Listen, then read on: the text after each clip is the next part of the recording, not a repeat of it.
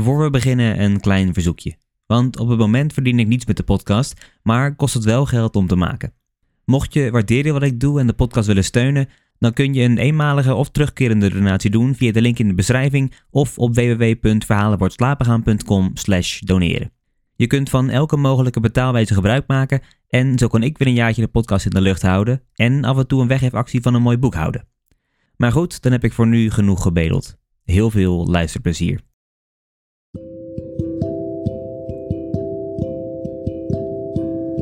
Hallo allemaal en welkom. Mijn naam is Mike en in deze aflevering lees ik voor uit de zeven verhalen over de rockband der gebroken zielen. Dit is Verhalen voor het slapen gaan.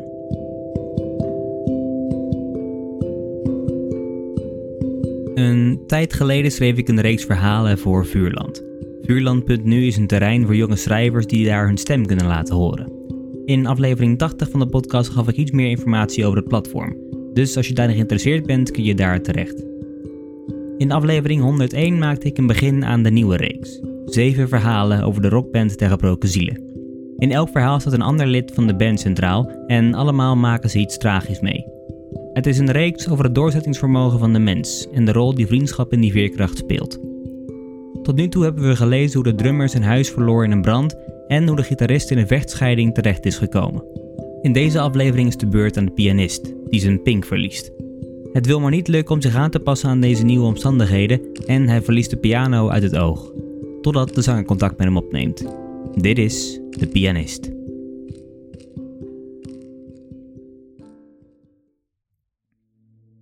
De pianist. De pianist was zijn pink kwijt, tot aan de knokkel. Zijn hele leven was hij al bang dat het zou gebeuren en nam hij alle mogelijke maatregelen om het te voorkomen. Hij zou, koste wat het kost, zijn leven doorkomen met alle tien vingers nog aan zijn hand. Hij was een hobbyklusser.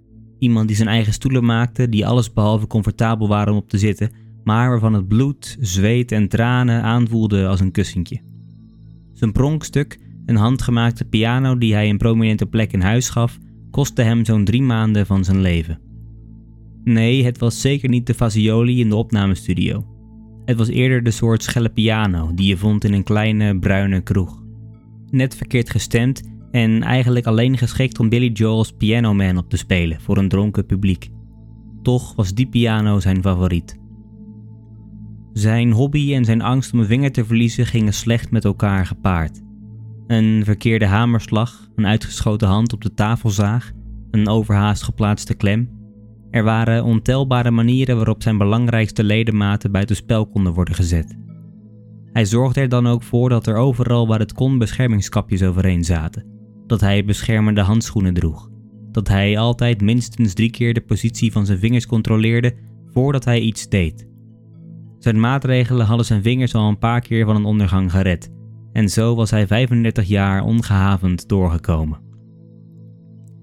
Des te tragischer is het feit dat hij op 1 januari, toen hij de ravage van het door de railschoppende jeugd afgestoken vuurwerk aan het opruimen was, en hij onwetend iets opraapte wat achteraf een nog onontplofte cobra bleek te zijn, zijn rechterpink verloor.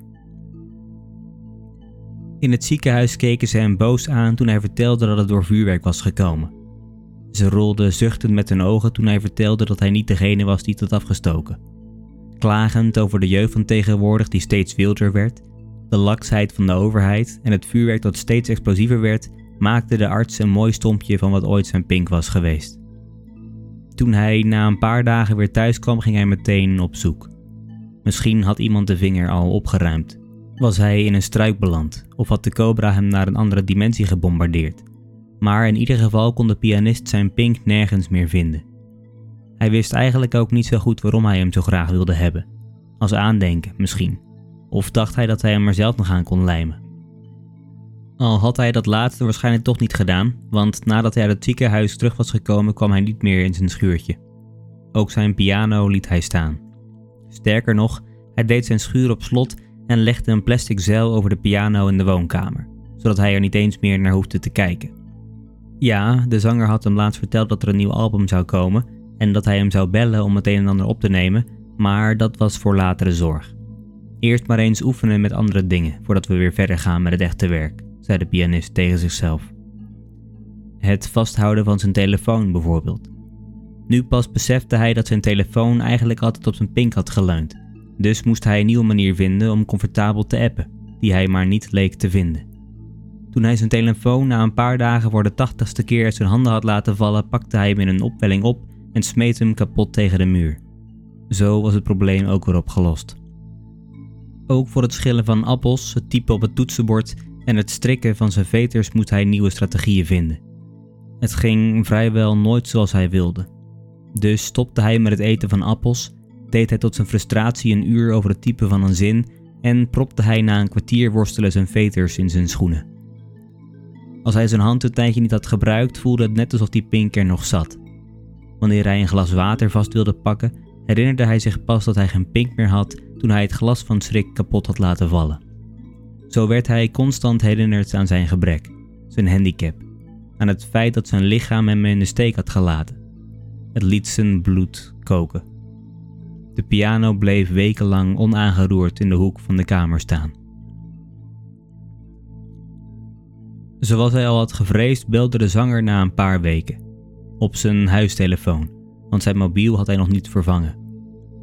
Gast, je bent onbereikbaar, zei de zanger. Heb je je mobiel verstopt? Mijn oplader is kapot. En je hebt geen geld om een nieuwe te kopen? Geen tijd. Je hebt geen tijd naar de winkel te gaan voor een oplader? Zit je de hele dag aan je pik te sjorren of zo?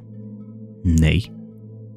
Dit ging zo nog een tijdje door, totdat de zanger er genoeg van kreeg. Oké, jij je zin, geen telefoon. Anyway, vrijdag gaan we nummers opnemen in de studio. Ik mag dat je daar wel tijd voor hebt. Ik ben ziek, zei de pianist. Ziek? Je klinkt kerngezond. Koppijn kun je niet horen, hè? Jezus, wat heb jij? De pianist bleef stil, luisterde naar de steeds luider wordende ademhaling van de zanger. Oké, dan zeg je lekker niets. Je zorgt maar dat je op tijd uit bent geziekt. De boeking staat voor vrijdag. Ik zie je daar. De pianist hoorde aan de andere kant van de lijn nog een ongelovig lachje voordat de zanger ophing. Die vrijdag bleef hij thuis. Hij liet niets van zich horen, had de huistelefoon uit de stroom getrokken en de gordijnen niet open gedaan.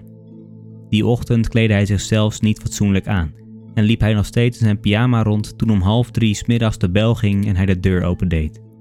De zanger stond met zijn handen in zijn zij en drillende neusvlegels voor de pianist. Wat ben je aan het doen? vroeg hij. Ik was toch ziek? Je lult, meekomen. De zanger pakte hem bij zijn pols, trok hem over de drempel en trok de deur achter hem dicht. Mijn sleutels liggen nog binnen, eikel. Volgens mij klinkt dat als een jouw probleem, zei de zanger, waarna hij hem met grof geweld meesleurde naar de auto. Wacht, wacht nou even. Ik kan echt niet spelen. De zanger liet hem los en de pianist stak zijn rechterhand de lucht in. Hij had verwacht dat de zanger zou schrikken, zich zou verontschuldigen, hem misschien wel zou troosten, maar in plaats daarvan staarde hij hem onbewogen aan. Dus? vroeg hij. Wat nou dus? Ik mis een vinger. Zo kan ik toch niet spelen? Ja, en de drummer mist een huis en de gitarist mist een vrouw en een dochter. Zij spelen ook. Die ping van jou kunnen we ook wel zonder. Zo geschiedde. Ze reden naar de studio, waar de gitarist en de drummer op hen zaten te wachten. De zanger zei dat de pianist zonder rechterpink ging spelen, alsof hij aankondigde dat hij straks nog wat boodschappen moest halen. De andere knikte simpelweg. De pianist ging achter zijn fazioli zitten en liet zijn negen vingers voorzichtig over de toetsen glijden. Hij deed zijn ogen dicht, probeerde zich voor te stellen dat zijn pink nog aan zijn hand zat en begon. En ja, het klopt dat ze niet de sterren van de hemel speelden.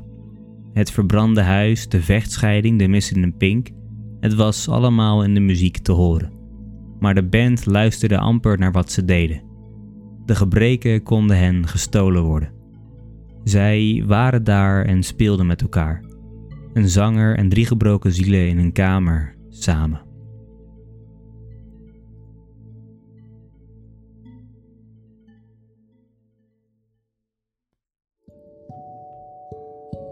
Dat was De Pianist. We lezen over de hobby van de pianist als klusser en hoe hij alle voorzorgsmaatregelen heeft genomen om daarbij geen vingers te verliezen.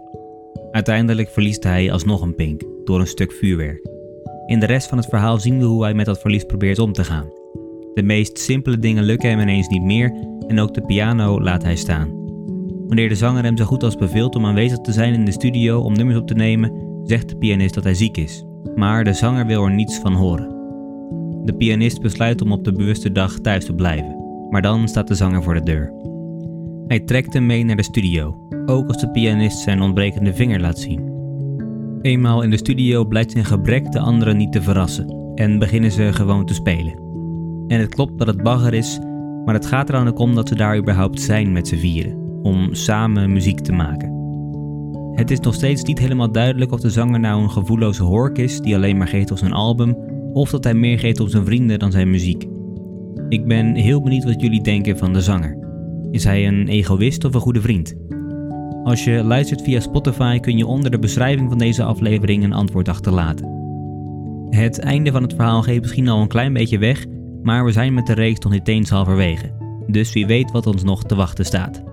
In de volgende aflevering komt de achtergrondzangeres aan de beurt, die een kind verliest. Voor ik afsluit nog één dingetje. Het luisteren van de podcast is gratis, maar het maken is dat niet. Natuurlijk vind ik het hartstikke leuk om te doen, maar mocht je de podcast willen steunen, dan kan dat door je op de podcast te abonneren. Je krijgt dan toegang tot alle afleveringen, luisterboeken en giveaways. Je kunt ook altijd een losse donatie doen.